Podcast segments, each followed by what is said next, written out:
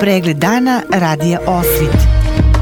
Lokalne vesti iz Vornika i regiona Birač. Pratite pregled dana za 2. avgust 2022. godine.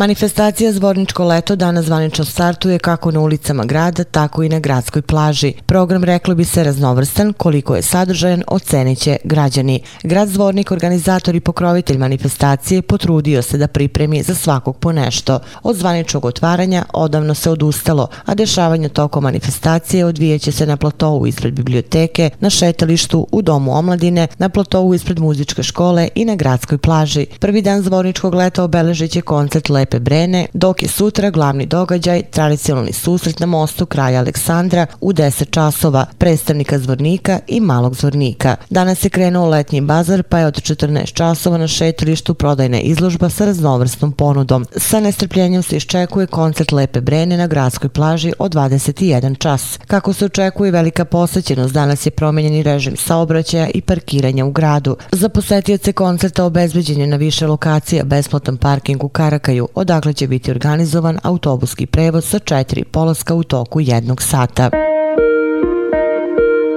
Gradskoj upravi juče se razgovaralo o prekograničnoj saradnji zvornika i sekretarijata za regionalni razvoj, međuregionalnu saradnju i lokalnu samoupravu vlade autonomne pokrajine Vojvodina Republike Srbije. Gradonačelnik zvornika Zoran Stevanović je nakon sastanka izjavio da su kultura, istorija, privreda i sport oblasti u kojima zvornik želi unaprediti saradnju i jako je važno održavati dobre odnose sa svim predstavnicima u regionu. Aleksandar Sofić, pokrajinski sekretar za regionalni razvoj, međuregionalnu saradnju i lokalnu samoupravu vlade autonomne pokrajine Vojvodina napomenuo je da su ovo prvi koraci za konkretizaciju saradnje sa gradom Zvornikom, a reči je o proširivanju i nastavku saradnje na polju kulture.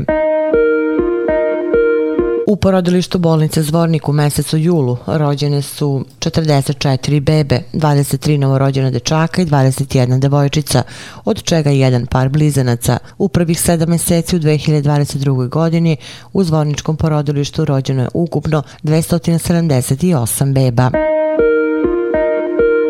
Pravoslavni vernici danas obeležavaju praznik starozavetnog proroka Svetog Ilije, koji je veoma poštovan u pravoslavlju kao strog i nepokolebljiv propovednik etičkih i vrednosti vere, odanosti i ljubavi. Poštuju ga sve monoteističke religije, a osim u Svetom pismu i Bibliji, pominje se i u Talmudu i Kuranu. Po narodnoj tradiciji Svet Ilija se vozi na vatrenim kolima koja vuku četiri konja, iz čijih nozrva izbija plamen. Gremljevina je tutnjava njegovih kola kojima se on vozi po nebu i oblacima. U stara vremena, kada nije bilo ovako toplo kao danas, postojala je izreka od svetoga Ilije, sve je sunce milije. Vesti iz Loznice. Od 1. jula kada je u Loznici počeo da radi više namenski sistem za kontrolu nepropisno parkiranih vozila, u pojedinim ulicama koje su bile zakrčene, primetan je bolji protok saobraćaja, kao recimo u italijanskih dobrovoljaca. Međutim, u pojedinim kao što je učiteljska još uvek ima veliki broj nepropisno parkiranih vozila. Opširnije na sajtu lozničkenovosti.com. Pratili ste pregled dana za 2. avgust 2022. godine. Hvala na pažnji. Pregled dana radija Osvit.